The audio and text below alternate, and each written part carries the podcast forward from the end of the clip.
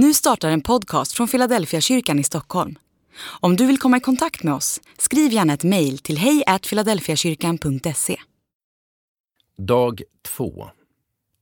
Allt blev till genom det, ordet, och utan det blev ingenting till av allt som finns till. Johannes evangeliet kapitel 1 och vers 3. När man upptäckte den partikel som vi kallar atom trodde vetenskapsmännen att de funnit tillvarons minsta byggsten. Det var därför de gav det namnet atom.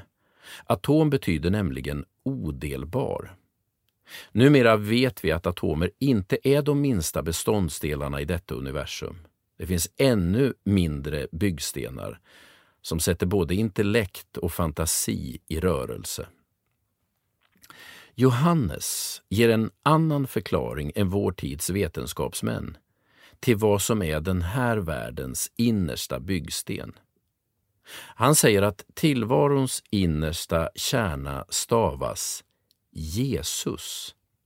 Eller, som han lite poetiskt uttrycker det, Ordet. Det som bygger upp varje del av detta universum, det som styr stjärnornas banor, universums rörelser, blommornas växtcykler, fiskarnas vandringar, fåglarnas flyttar och det som ger varje människa hennes unika egenskaper är Jesus själv. Han är det ord som hela universum är skapat av. För mig hissnar tanken. Jesus som föddes i ett stall i Betlehem och dog på en galgbacke utanför Jerusalem för snart 2000 år sedan är samma person som just nu håller hela detta universum igång.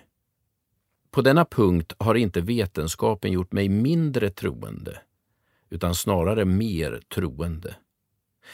Ju större och mer komplicerat detta universum framstår, desto större blir min beundran för den skapare som håller allt detta i sin hand och som är den innersta drivkraften i hela skapelsen.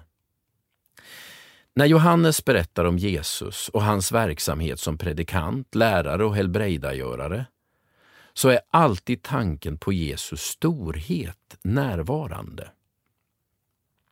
På ytan var han en människa som vi, men under den enkla ytan öppnar sig djup som får hela universum att komma i självsvängning.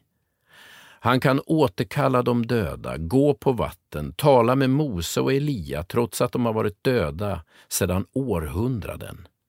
Jesus går över alla de gränser och naturlagar som omgärdar oss andra.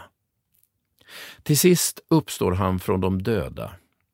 För inte ens döden kan vara ett hinder för den som i sig själv är själva livet. Han är ordet som var från begynnelsen. Andlig övning. Försök att se världen som Jesus ser den.